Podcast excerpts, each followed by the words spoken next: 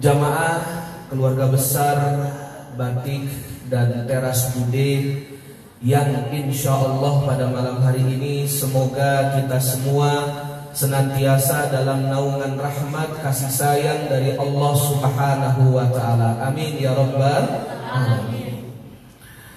Di pertemuan kita di hari Ahad Insya Allah pada malam hari ini kita akan melanjutkan pembahasan kita Kali ini kita akan membahas tema yang diberi judul Kalbun Salim Kalbun Salim Kalbun artinya hati Salim artinya selamat.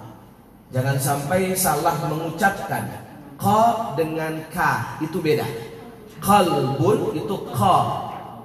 Kalbun ka ka ada suara yang keluar ada udara yang keluar sedikit. Ka di pangkal tenggorokan.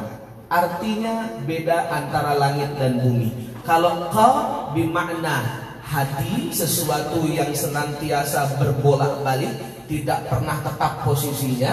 Kalbun kalau pakai ka artinya guguk artinya apa?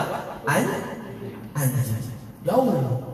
Jadi kalau kita berbicara, apalagi membaca Quran, kalau makhrajil atau makharijul hurufnya tidak tepat, khawatir merusak makna yang sangat luar biasa. Itulah pentingnya kita belajar tajwid dan terus istiqamah membaca Al-Quran. Amin ya Rabbal Alamin. Mari kita mulai pertemuan kita dengan sama-sama membaca basmalah. Bismillahirrahmanirrahim. Baik, teman-teman sekalian yang dimuliakan Allah, Pak Budi, Ibu Made yang dimuliakan Allah Subhanahu wa taala. Saya ingin bertanya kepada teman-teman dan jamaah sekalian. Kalau kita melihat gambar di depan, ini kira-kira ilustrasi tentang apa? Ilustrasi tentang pintu. Pintu apa? Pintu pagar. Kalau pintu pagar itu biasanya di dalam atau setelah pintu pagar itu ada ada rumah atau ada bangunan, betul? Kalau dengan ilustrasi seperti ini ada awan, ada cahaya, kira-kira pintu ini menuju mana? Nah, kurang lebih seperti itu. Inilah surga luar biasa, makhluk Allah, ciptaan Allah yang semua orang menginginkan. Jangankan yang taat. Saya ulangi, jangankan yang taat. Yang suka maksiat pun sangat ingin masuk ke dalam surga Emang Ustaz kalau kita ibadah boleh meminta surga? Boleh. Dalilnya mana Ustaz? Allahumma antas salam. Terus wa minkas salam عليك يعود السلام. فحينا ربنا بسلام. وأدخلنا الجنة دار السلام.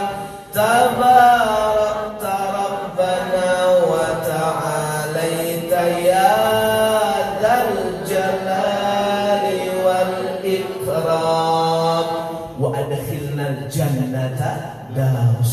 masukkan kami ke dalam surga yang penuh dengan keselamatan. Boleh. Orang yang maksiat aja minta, apalagi yang taat. Suatu hari Rasul Nabi besar Muhammad saya ulang Rasul Nabi besar Muhammad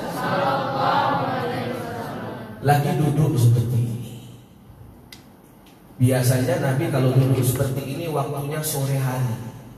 Duduk Nabi dengan sahabat. Apa yang Nabi lakukan? Nabi mengajarkan hikmah. Nabi menyampaikan ayat-ayat Allah Subhanahu wa taala. Tidak lama Nabi bicara, kemudian teman-teman perhatikan Nabi berkata, Nabi bersabda, sebentar lagi akan datang laki-laki penghuni surga. Ini Nabi lagi ngomong nih, tiba-tiba Nabi mengatakan seperti itu. Sebentar lagi akan datang laki-laki penghuni surga. Para sahabat langsung gagal fokus. Saling melihat. Siapa lagi yang belum datang? Tiba-tiba datang setelah Nabi sampaikan tersebut seorang laki-laki golongan Ansar setelah masuk ke dalam masjid dalam keadaan wajah basah dan jenggot yang basah, tangan kirinya menenteng sendal. Jadi sandal itu dipegang masing-masing. Kalau di Masjid Nabawi, di Masjidil Haram, mudah-mudahan teman-teman dan kita semua bisa ke sana, itu sandal nggak taruh di luar. Sandal dibawa, masuk dipegang dengan kantong masing-masing. Ini sahabat masuk hari pertama. Hari kedua, besoknya lagi, waktunya sama. Nabi kemudian sampaikan, lagi duduk-duduk lagi. Kemudian Nabi sampaikan, akan datang laki-laki calon penghuni surga. Sahabat lagi lihat, siapa? Ternyata orang yang sama. Masuk masjid dalam keadaan basah wajah dan jenggot, tangan kiri menenteng sendal. Besoknya waktu yang sama, momen yang sama, Nabi Shallallahu Alaihi Wasallam mengulangi tiga kali. Sebentar lagi akan datang laki-laki penghuni surga.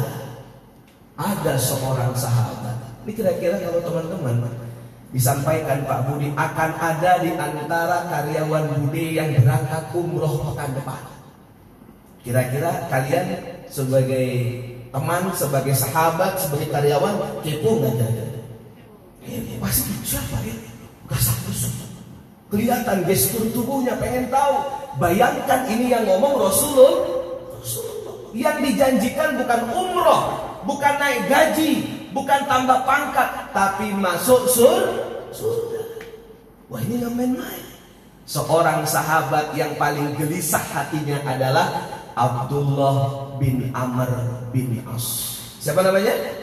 Abdullah bin Amr bin As. Anak dari Amr bin As. Abdullah bin Amr. Ini gelisah. Waduh, Nabi kalau ngomong sampai tiga kali, tandanya sangat penting. Dan Nabi berbicara tidak pernah dengan hawa nafsu. Pasti dibimbing oleh wah, wah ini dan kalau Nabi ulangi tiga kali, apalagi setelah Nabi sampaikan, orang yang disebutkan Nabi kayaknya orang yang sama. Karena setelah Nabi sampaikan, orang itu lagi, orang itu lagi, dia-dia lagi.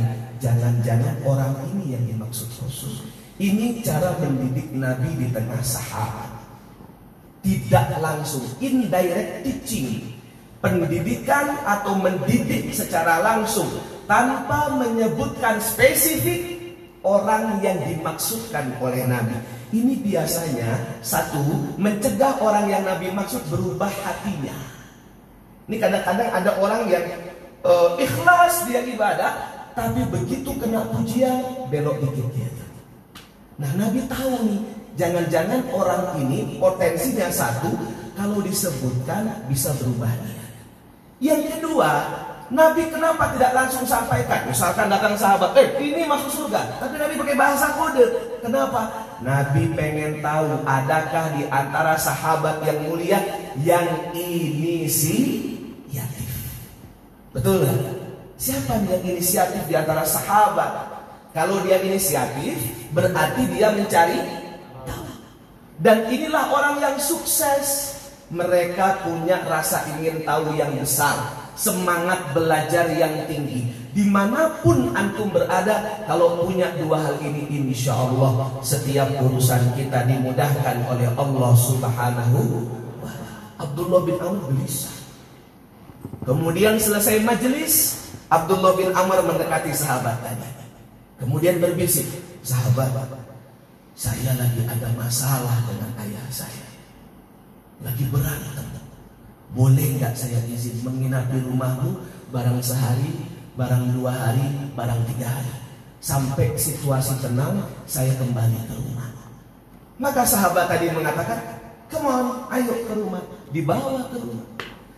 Kira-kira kalau kalian sebagai Abdullah bin Amr bin As melihat sahabat yang Nabi sebutkan tadi, Nabi sebutkan dia sahabat ahli surga, kira-kira yang teman-teman bayangkan amal soleh macam apa yang sahabat tadi lakukan? Sebutkan tiga hal yang paling dahsyat. Satu, kira-kira apa?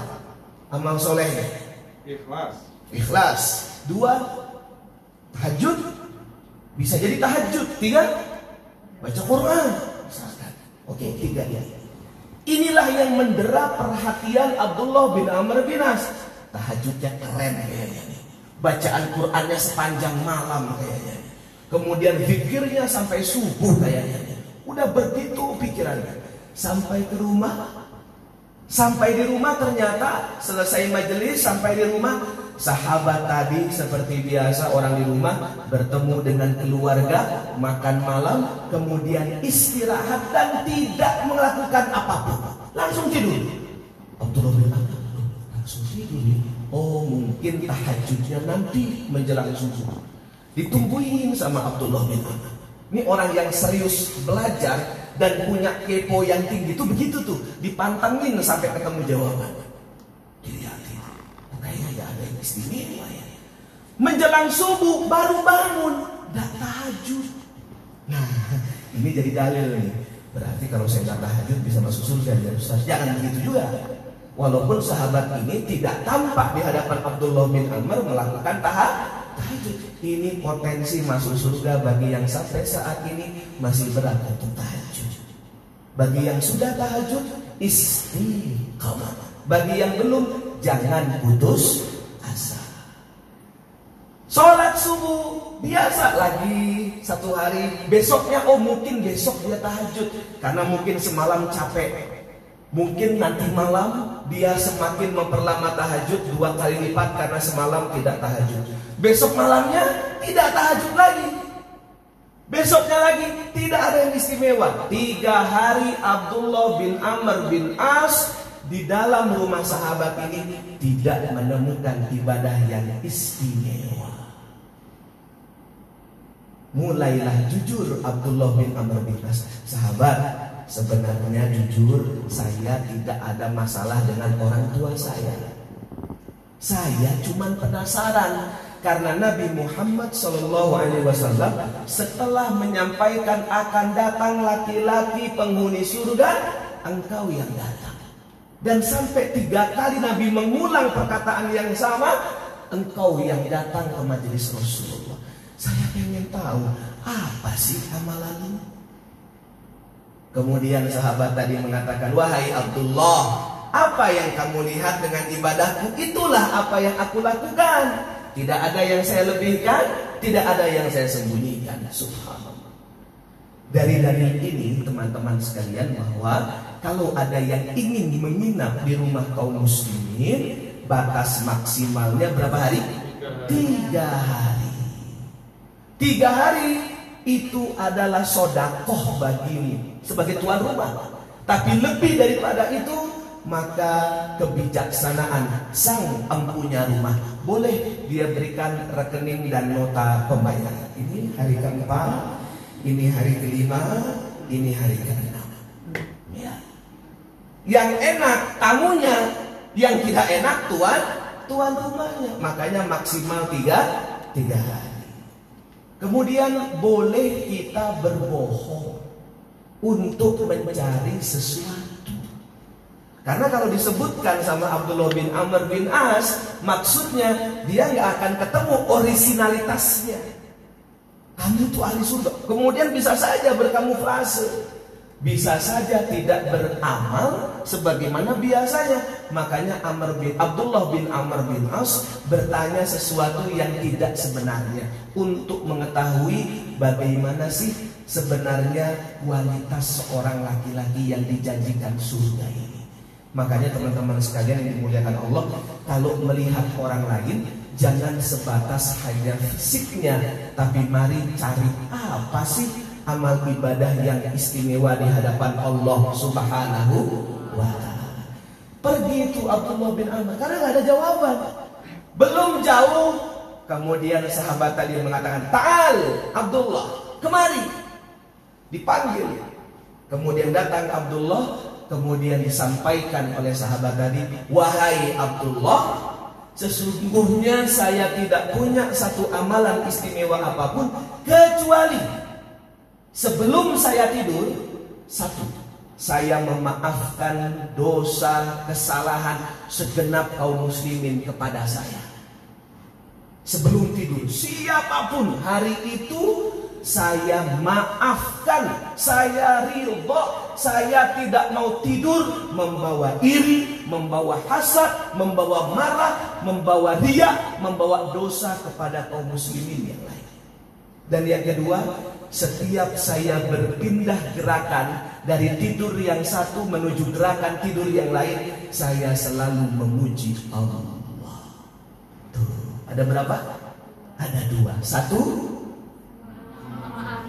memaafkan kesalahan kaum muslimin siapa pun yang pernah menyakiti hari itu berarti membersihkan hati tidak dibawa dendam tidak dibawa sepanjang malam bahkan bertahun-tahun saya tidak akan memaafkanmu tiga tahun saya tidak akan memaafkan kamu seumur hidup saya gak ada bagi seorang muslim harus mampu mengendalikan hati dari sifat dan penyakit hati yang mengotori.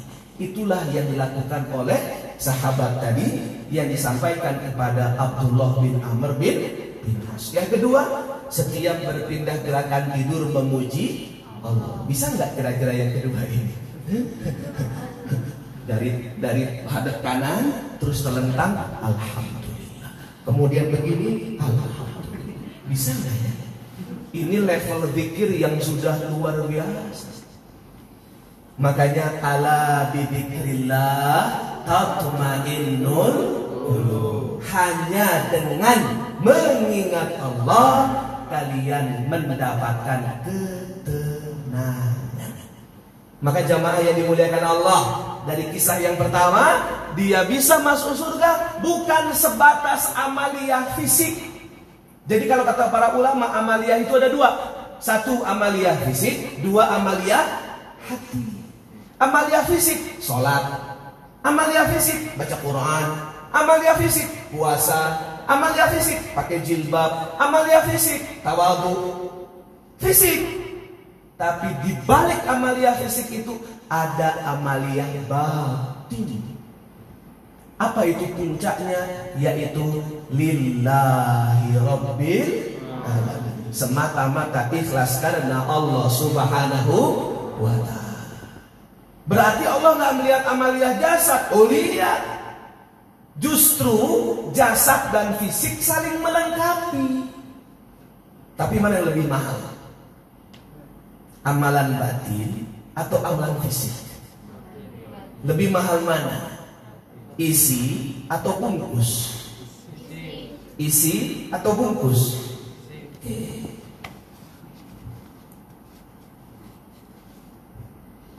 Saya punya botol. Botol ini ukurannya berapa mili ini? 250 misalnya atau 10 mili, 5 mili ya, 10 mili. Kalau saya isi air ada harganya? Enggak ada. Saya isi minyak goreng? Enggak. Saya isi minyak parfum? Tergantung. Semakin wangi, semakin awet, bibitnya mahal, maka semakin yang buat mahal botol atau isi? Isi atau botol? Maka amalia hati amat sangat utama. Selama ini kita banyak mempoles ibadah fisik tapi kita lupa mempoles ibadah hati. Padahal Allah Subhanahu wa taala sampaikan melalui lisan Nabi Muhammad SAW sahabat ini masuk surga tidak sebatas karena amalia fisiknya saja tapi betul-betul dia menjaga kualitas ibadah hatinya emang ada ustadz yang masuk neraka karena ibadah hati ada tuh Kata Nabi Shallallahu Alaihi Wasallam ada tiga kelompok manusia sebelum orang kafir masuk ke dalam neraka tiga kelompok ini yang dicemplungin pertama sama Allah. Bayangkan coba.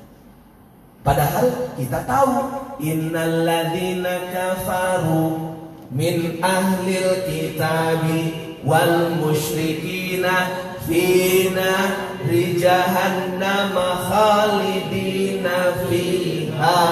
Ulaika hum syarrul bariyah orang kafir golongan ahli kitab dan orang musyrik masuk neraka kekal di dalamnya tapi kata Rasul ada yang masuk neraka sebelum orang kafir. Berarti lebih baik lebih buruk. Lebih baik lebih buruk. Lebih buruk. Lah orang kafir aja udah buruk. Ini ada yang lebih buruk. Naudzubillah min. Siapa ya Rasulullah? Satu.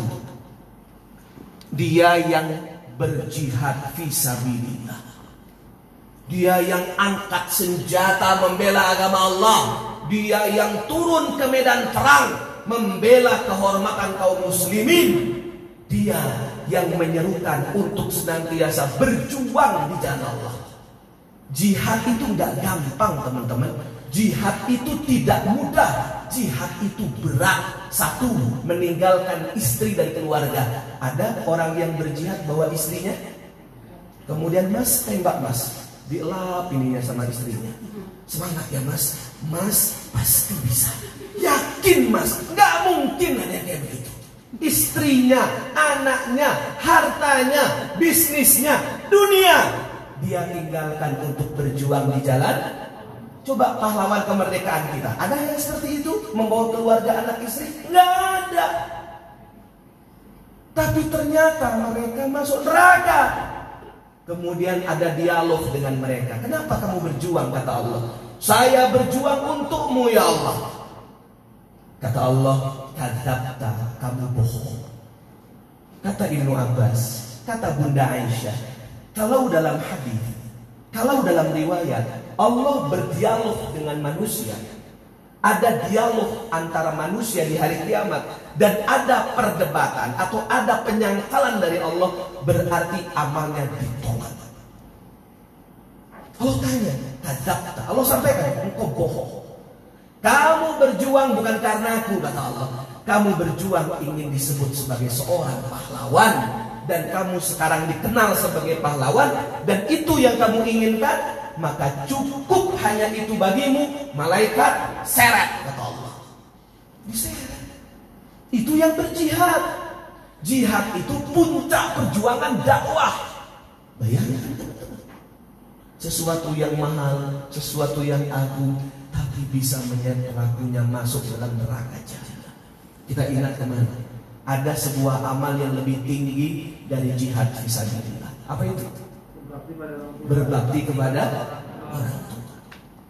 Kalau jihad saja peluang terseretnya besar karena beloknya hati, karena tidak lurusnya niat, apalagi ibadah-ibadah yang lebih ringan daripada itu. Yang kedua, orang yang membaca Al-Quran orang yang mengajarkan Al-Quran dipanggil kenapa kamu baca Quran? Saya membaca ayat-ayatmu ya Allah. Kata Allah kadzabta bohong. Kenapa bohong? Kamu baca Quran bukan untuk mengajarkan. Kamu baca Quran bukan untuk memahami. Kamu baca Quran bukan untuk mengajarkan orang tentang ayat-ayatmu, tapi kamu baca Quran agar kamu dicap dua. Satu ahli ilmu, dua kori. Aduh, di sini agak apa ya? Tipis antara ibadah dengan ria. Ini hari ini kan banyak ya, mohon maaf lahir batin, generasi milenial, generasi yang hari ini uh, sedang semangat-semangatnya belajar untuk hijrah. Jadi ada uh, fenomena akhir-akhir ini Pak Budi Umade, fenomena pemuda hijrah. Bagus. Bukan tidak bagus. Tetapi dalam perjalanan mereka tazkiyatun nafs ini wajib disampaikan supaya motivasi hijrahnya benar-benar karena Allah Subhanahu wa taala. Karena sangat bahaya baca Quran kata Umar bin Khattab, tidak sampai lewat tenggorokanmu. Nanti ciri di hari kiamat menjelang datangnya hari kiamat, kata Umar bin Khattab, akan banyak orang yang baca Quran tidak lewat tenggorokan. Maksudnya apa? Hanya sebatas di bibir saja. Ini bahaya. Padahal Al-Quran adalah firman Allah dan Quran adalah petunjuk. Petunjuk. Nah kalau petunjuk tidak diamalkan bagaimana? Petunjuk hanya dibaca, tidak diamalkan, tidak diajarkan, tidak didakwahkan, tidak dihidupkan dalam keluarga, ya tidak ada artinya.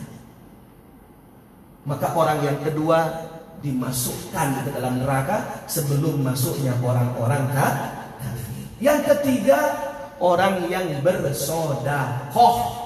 Tidak dia sodakoh karena Allah, tapi dia sodakoh karena ingin disebut seorang dermawan.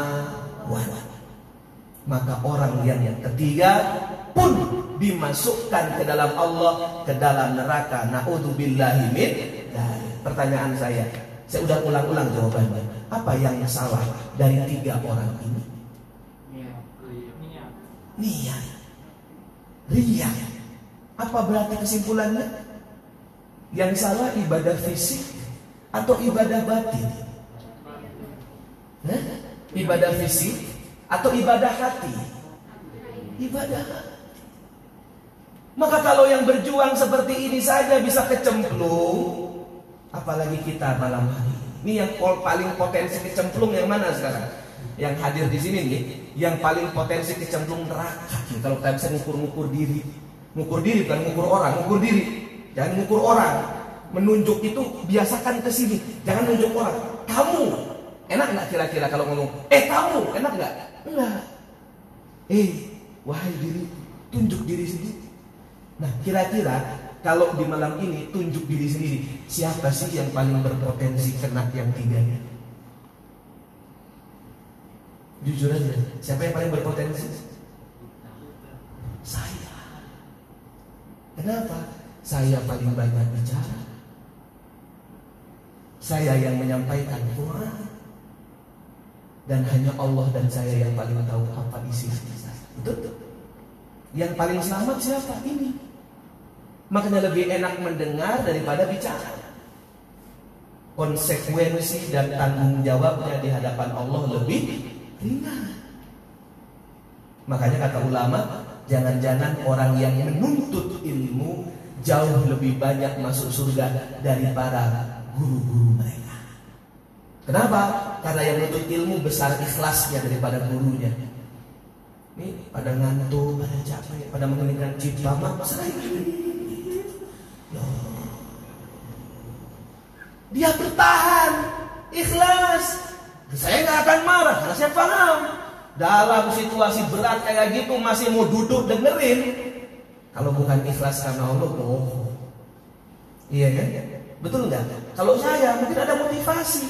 Cari muka sama tuan rumah. Kemudian mencoba menghibur diri. Mungkin saya juga ada masalah. Mungkin sambil mengamati mana yang cakep ceweknya, mana yang cowoknya yang ngantuk. Kita nggak ada yang tahu.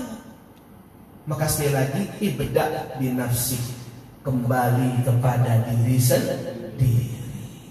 Maka yang kedua orang masuk neraka bukan karena sebatas amalia fisik. Berarti orang yang LGBT masuk neraka Ustaz masuk. Kan amalia fisik itu jelas karena dalam Al-Qur'an diharamkan zina masuk, pemabok masuk, koruptor masuk, durhaka sama orang tua masuk, itu semua amalan fisik. Tapi mereka yang amal fisiknya sudah benar pun bisa belok, bisa keserempet, bisa kepleset, bisa masuk ke dalam neraka. Makanya punten mohon maaf. Uje pernah bilang, jangan ketipu sama penampilan. Jangan ketipu sama penampilan.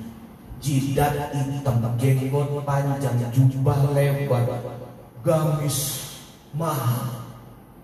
Belum jaminan wilayah ini selamat.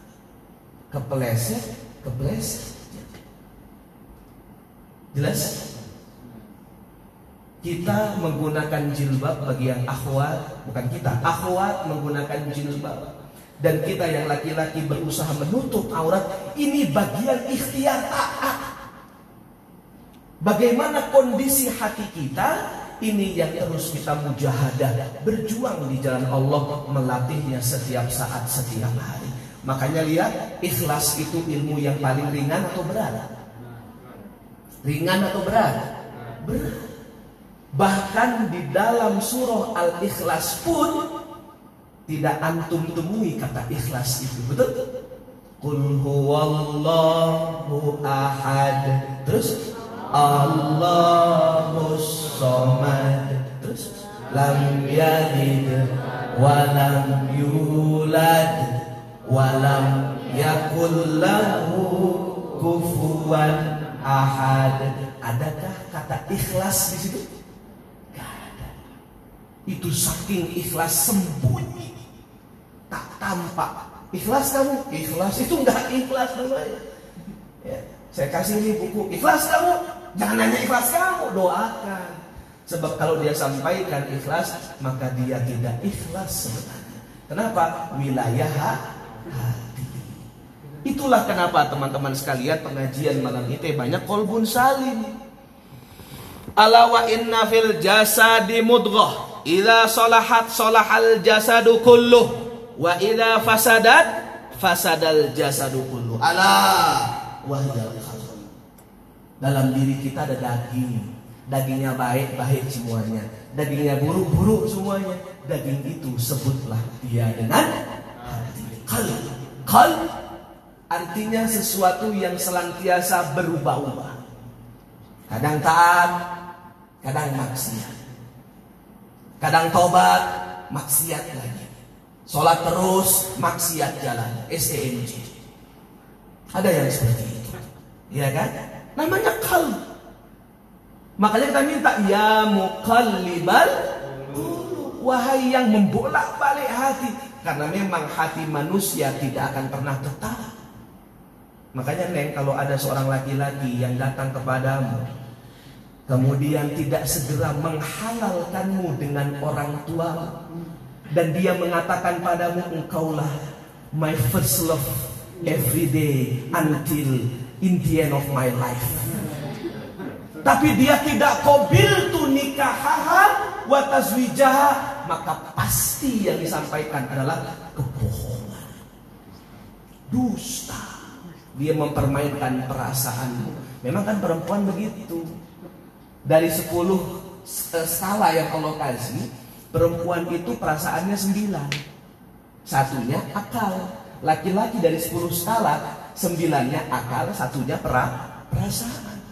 Makanya laki-laki dalam mengenai sesuatu itu sistematis, terukur. Angka, analitik. Dan kadang-kadang nggak punya perasaan memang. Nah perempuan yang nggak punya akal, eh mohon maaf kata Salah kalimatnya. Perempuan yang akalnya terdominasi oleh perasaannya dimain-mainin bos sama laki-laki yang nggak punya perasaan. Paham maksud saya? Karena perempuan mainannya perasaan, laki-laki nggak punya perasaan, diobok-obok perasaanmu dan akalmu nggak mampu mencernanya. Makanya nggak suka gua sama laki. Ya, bener kan? Laki-laki nggak punya perasaan, dikasih kode nggak peka gitu kan? Karena repot laki-laki kasih kode peka ini sesamping wrong ini ya. Jeruk makan jeruk nanti. Bahaya. Nah, teman-teman sekalian, oleh karena itu dalam Islam ada namanya ilmu tazkiyatun nafs. Apa namanya? Tazkiyatun nafs. Tazkiyah pembersihan nafs, nafsu, jiwa. Ya ayatuhan nafsul mutmainnah wahai jiwa-jiwa yang tenang apa bedanya nafs dengan jasad jadi uh, apa namanya dalam dalam dalam penciptaan itu Allah menciptakan tiga. Satu ruh dua jasad tiga nafs. Ruh sesuatu yang tak tampak abstrak hanya Allah yang mengetahuinya. Wa ma utitum minal ilmi illa qalilan ilmu ruh hanya Allah yang tahu manusia nggak tahu. Yang kedua jasad fisik.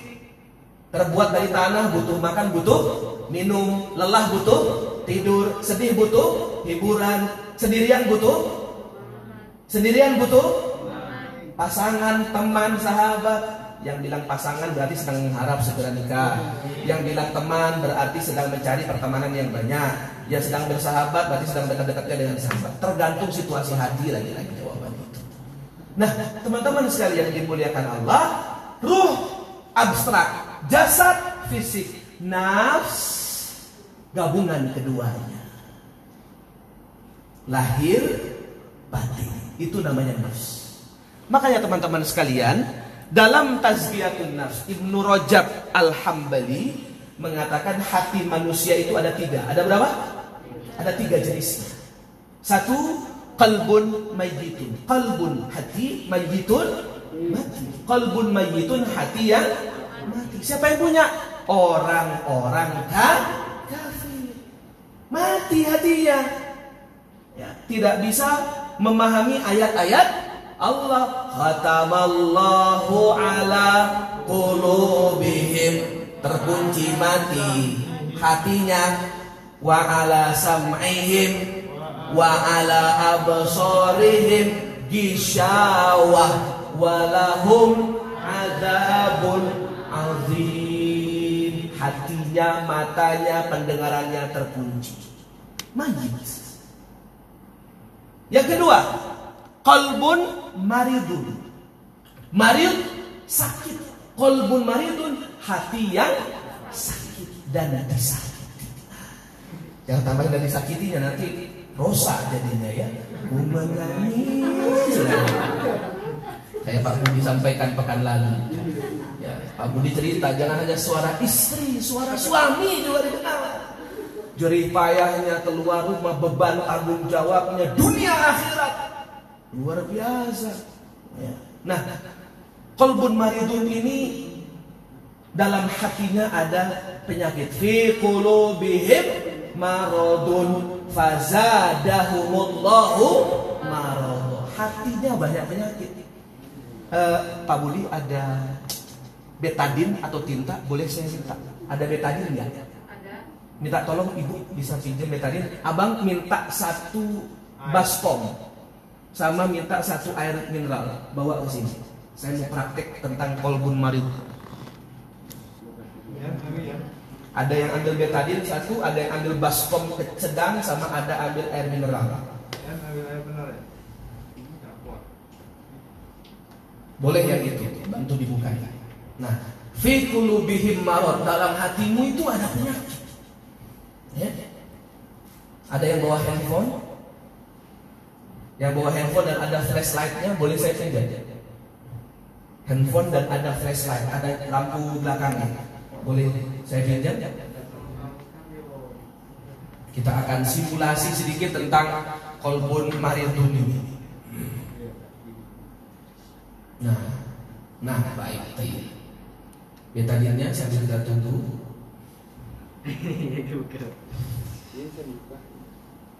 udah nyala ya Kasih jazakallah. Oke, sambil menunggu betadin dan perangkat yang lain, hati yang ketiga adalah kolbun salimun. Kolbun hati salim selamat. Inilah yang dimiliki oleh umat Nabi Muhammad sallallahu alaihi wasallam. Nah, ada lagi pembahasan yang lain dari Huzaifah ibn Yaman ini teman-teman kalau tahu Huzaifah bin Yaman, siapa yang tahu Huzaifah bin Yaman itu siapa? Apa latar belakangnya atau apa posisinya di hadapan Nabi SAW? Ada yang tahu? Huzaifah ibn Yaman atau Huzaifah bin Yaman. Huzaifah bin Yaman ini adalah orang yang memegang rahasia Rasulullah. Orang yang memegang rahasia Rasulullah.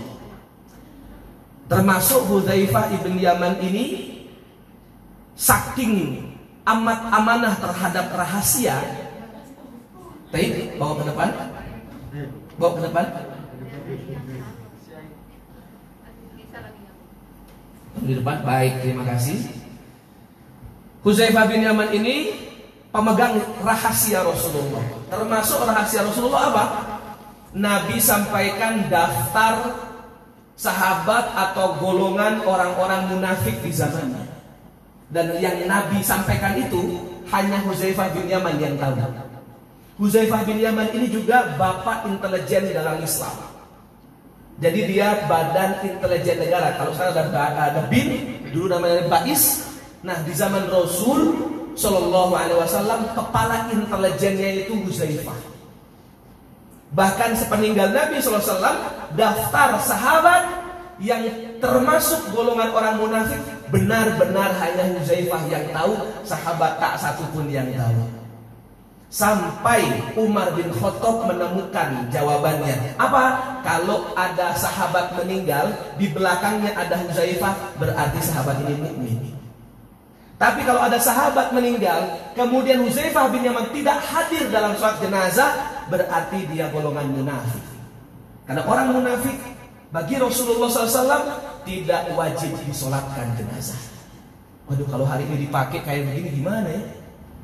Mungkin nggak ada yang melakukan jenazah orang-orang kaum muslimin karena beda antara ucapan, perkataan dan apa yang ada di dalam hak hatinya. Nah, saya mau minta tolong sama abang saya yang arah jam 12 masker uh, apa masker batik bisa bantu saya. Nah. Teh. Minta tolong dibuka bawahnya. Ya. Sini ke tengah sedikit. Pegang. Ada depan, ada TV One. Indonesia. Ya. Abang yang sebelahnya yang masker hitam. Yes. Come on, ke depan. Di sebelah sini. Antum pegang ini. Satu lagi. Mana lagi? Yang mau nikah ke mana yang mau nikah? Siap. Siap, mana siap?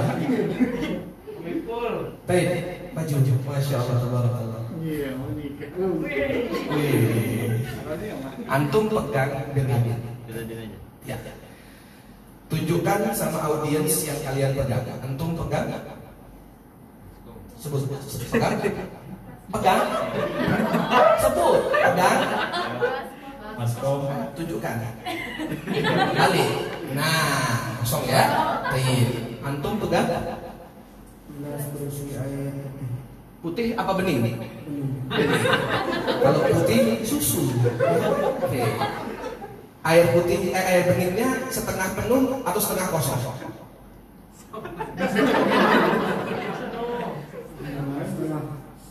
Setengah-setengah ya. Abang, antum pegang apa? Betanya. Baik, betanya. Oke, saya pegang handphone. Oke, sekarang Antum namanya siapa? Ikram Harry Syihab. Oke, Ikram uh, angkat gelasnya dan taruh di atas baskom yang dipegang sambil dipegang. Oke, pegang bawahnya. Oke, ini dilepas, pegang bawahnya. Oke. Apa yang terjadi kalau saya berikan cahaya dari atas? Apa yang terjadi? Kita lihat. Wah, tangannya Ikram bercahaya seperti tangan Nabi Musa alaihissalam. Kenapa tangannya tangannya Ikram bercahaya? Kenapa? Kenapa? Kenapa? Apa yang bersih? Apa yang bersih? Airnya. Hanya airnya? Isinya. Hanya isinya? Ah, yang benar apa? Dua-duanya bersih. Gelasnya bersih, airnya bersih. Oke. Sekarang ada betadin. Belum. Bentar, bentar dulu. Sekarang dari teman-teman, teman-teman ya, termasuk saya, ada nggak yang hari ini, ada nggak yang hari ini tidak maksimal? Saya kasih hadiah dari Pak Budi. Ada nggak? Ada yang nggak bermaksiat? Oke, sekarang saya balik. Maksiat macam apa yang kita lakukan? Sebutin satu. Apa? Maksiat mata. Oke. Berapa banyak yang kamu lihat? Dua misalkan. Dua dua, tetesin dua. Satu, dua, dua ya. Dosa apa lagi? Dosa apa lagi? Sebut aja. Kesel, marah, emosi, godok. La takdok walakal jannah. Nabi sampaikan jangan marah kamu masuk surga. Dia marah, marahnya marah-marah lagi. Kalau marah, itu. Beda. Kalau marah, marah-marah. Dosa yang paling besar. Syirik, betul? Kita insya Allah selamat. Dosa yang besar kedua, durhaka sama orang. Saya nggak durhaka, tapi bilang, ah, tar, ya, iya, iyanya, iya, bukan iya yang ini. Kalau nadanya lebih tinggi, iya. Entar, entar. Anda nggak mau? Disuruh, diminta, diajak, nggak mau, tergantung keriduan orang tuanya. Apa lagi? Iba. Gibah, ngegosip, bongkar aib. Eh, satu orang digibahi, dua orang digibahi, dua orang jadi sepuluh orang. Satu, dua, tiga, empat, lima, enam, tujuh, delapan, sembilan, sepuluh. Dia share di Instagram, dia share di satu WA. Apa lagi? Apa lagi? Sebutin dosanya. Nyolong, tidak jujur, menipu, ya kan? Zolim, masya Allah. Kezoliman kepada manusia kata Rasul lebih berat dari kepada Allah. Allah. Lihat apa perbedaan yang pertama sama yang kedua. Syihab. Tadi sama sekarang. Akhirnya jadi itu. Airnya jadi hitam. Kenapa dia hitam? Dikasih betadin. Jawabannya sederhana, cuma siapa terlalu ilmiah jawabannya. Karena molekul-molekulnya menjadi padat. Syihab, tadi kan dikasih cahaya dari atas, tangannya ikram bercahaya. Sekarang kalau saya kasih cahaya, kira-kira gimana? Kira-kira gimana? Jawabannya yang pilih, gelap, terang, Gelap. gelap. Oke, kita coba ya. Ada warna? Ada warna? Ikram ada warna? Ada. Warnanya apa? Merah. Andai setiap hari sebanyak itu terlakukan, bahkan dosanya lebih besar daripada itu. Kira-kira warnanya merah apa hitam nanti? Makin pekat, makin bening. Itulah yang disebut dengan kolbun, kolbun maridun. Bisa nggak kolbun maridun ini jadi bersih? Bisa nggak sesuatu yang kotor jadi bersih dalam Islam? Bisa. Innallaha ghafurun rahim. Allah Maha Pengampun. Kalau dosamu sama Allah, banyak tobat istighfar. Kalau sama manusia, kembalikan haknya dan minta maaf. Jelas? Sekarang Bang eh, Syihab ambil air mineral. Sabar ya, model mah harus sabar, harus kuat. Ya. Taib. Ini ada di belakangnya Syihab. Ya. Eh, sebutkan bagaimana cara membersihkan diri dari dosa. Satu, istighfar. Oke, buka. Oke. Tuangkan. Baca istighfar. Astaghfirullah Rabbal Astaghfirullah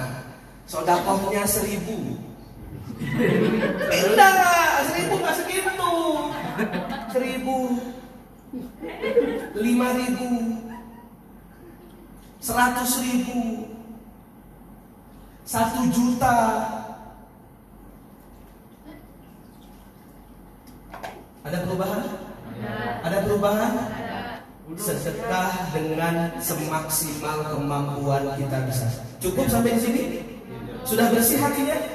Sudah bening hatinya? Tes dulu. Oke? Tes dulu. Masih merah warnanya? Berarti belum bersih. Apalagi amal untuk tobat. Sodako sudah, istighfar sudah. Apalagi bakti sama orang tua. Ya, ngaji ngaji habis ini ya, habis ini. Kalau orang tuanya masih hidup dua-duanya, tuangin semuanya. Tuangin semuanya. Orang tuanya masih hidup dua-duanya, maka dia menghilangkan separuh dosa yang tampak. Lebih bening atau tidak bening? Lebih bening. Kalau orang tuanya tinggal satu, setengah. Orang tuanya nggak ada, apa yang ditumpahi? Makanya orang yang meninggal orang tuanya bingung, hopeless. Kehidupan ini akan berbeda manakala engkau letakkan orang tuamu dalam kubur. Berbeda. Maka mumpung masih hidup, bagi yang istri bekerja jauh-jauh untuk orang tuanya, luruskan niat. Niat itu di mana? Hati. Qalbun salim. Cukup sampai sini? Belum. Apalagi tadi katanya? Baca Qur Quran. Satu huruf sepuluh kebaikan. Alif Lam Mim. Berapa huruf? Tiga. Berapa pahala? Tiga huruf. Tuangkan alif lam. Tiga tuangan. Ya. Satu, dua, tiga. Sudah bersih? Belum. Tadi baca apa sebelum eh, Isya? Surah Waqi'ah. Waqi'ah itu membuka pintu rezeki. Berapa ayat jumlahnya? 96. Berapa jumlah hurufnya? Hitung sendiri ya. Oke, tuangkan satu gelas.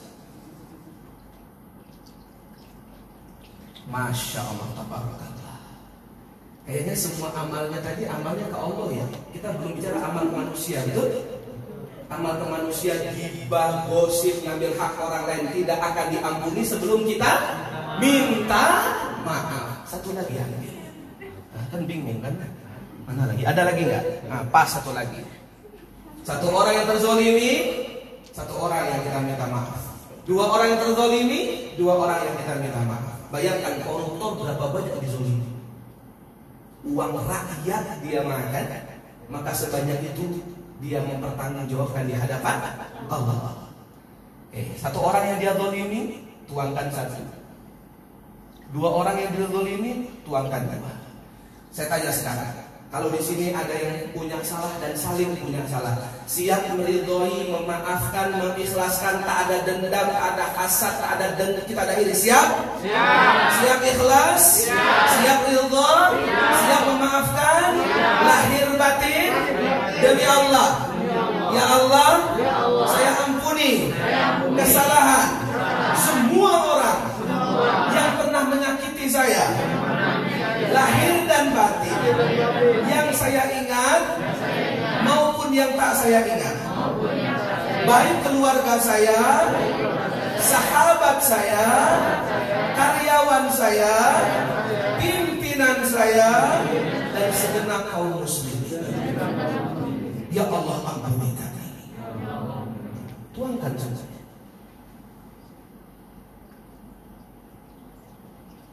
Masya Allah, tabarakallah. Apa yang terjadi kemudian?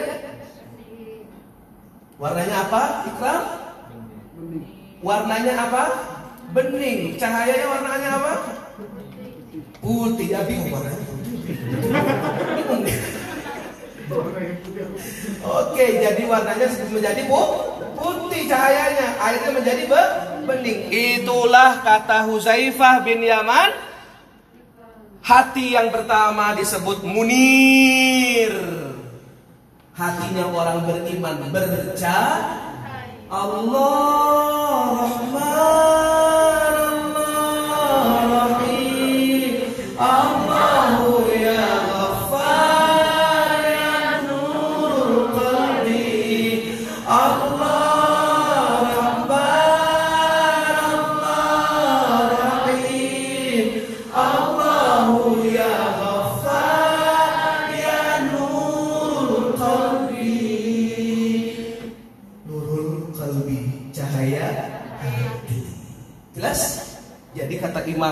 Husay, kata sahabat Huzaifah bin Yaman, hatinya orang beriman itu munir, hatinya orang munafik mangkus.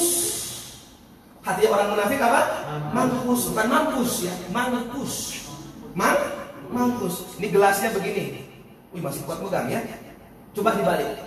Maaf, dibalik. Yes, pegang balik. Yang di bawah? Yes. Hatinya orang munafik seperti ini. Antara hati, perbuatan, dan lisan berbeda. Apa yang terjadi kata Imam Husain, kata Husaifah bin Yaman, nggak bisa masuk apa pun. Betul? Air nggak masuk, apa pun tak masuk, kalaupun cahaya masuk dipantulkan. Makanya orang munafik itu bentar-bentar taat, bentar-bentar menjadi duri dalam daging lebih jahat daripada orang-orang kafir. Kalau orang kafir mah jelas taruhan, nggak mau nyembah Allah, nggak memang dia nggak punya Tuhan Allah. Ini orang beriman benci syariat Islam. Uh, saya pikir penyebaran radikalisme di Indonesia itu karena orang-orang yang luki dimasukkan dalam masjid ada hafiz Quran dekat dengan DKM jadi imam ah, baru dia mengajak teman-temannya akhirnya paham radikalisme itu muncul good looking, hafiz Quran, imam masjid, DKM, difitnah semua. Maka siapa yang paling radikal di sini berarti Ustaz kita. Karena beliau good looking, karena beliau hafiz Quran, karena beliau ahli masjid, karena beliau DKM. Apakah seorang Muslim kita harus menjadi bad boy dulu baru menjadi orang yang tidak radikal? Rasul itu looking enggak? Oh luar biasa senyumnya bercahaya, tangannya lembut, kata-katanya halus. Subhanallah. Kemudian yang ketiga muglak terkunci. Orang kafir itu terkunci hatinya, tapi macam-macam jenis kuncinya. Ada kunci yang paten, ada kunci yang rapuh, ada kunci yang keras, ada kunci yang lunak. Makanya ada orang kafir, kenapa masuk Islam? Saya masuk Islam karena lihat tetangga saya. Loh, tetangga kamu kenapa? Senyum terus sama saya. Kemudian, sama pagi, Bu. Saya, dia senyum saya. Dia muslim, saya non muslim. Ternyata saya pelajari tabassumu fi wajhi akika sadaqah. Senyummu sama saudaramu adalah saudara. Oh berarti tetangga saya menganggap saya saudara. Padahal saya bukan muslim. Mulai saat ini saya menjadi seorang muslim. Coba gara-gara senyum. Makanya orang-orang kafir itu selama tidak memusuhi kita, menampakkan kebencian kepada kita, tidak dilarang kita berbuat baik. Temannya Pak Budi ada nggak yang muslim dalam bisnis, dalam pekerjaan, dalam silaturahim, dalam pertemanan ada nggak non muslim? Pasti ada, tidak dilarang. Selama mereka tidak memusuhi kita. Dan yang terakhir, kadang menguat, kadang meredup. Kata Huzaifah bin Yaman, inilah kebanyakan hati orang-orang muslim. Kadang taat, kadang maksiat. Nauzubillah min dan paham sampai sini? Jelas? Oke, saya mau tanya, kalau dia jelas bisa memberikan kesimpulan. Tolong berikan saya satu kalimat kesimpulan yang singkat menjelang akhir tausiah saya malam hari ini tentang kolbun saya. Satu kalimat singkat, apa deh yang kamu pahami dari peristiwa ini?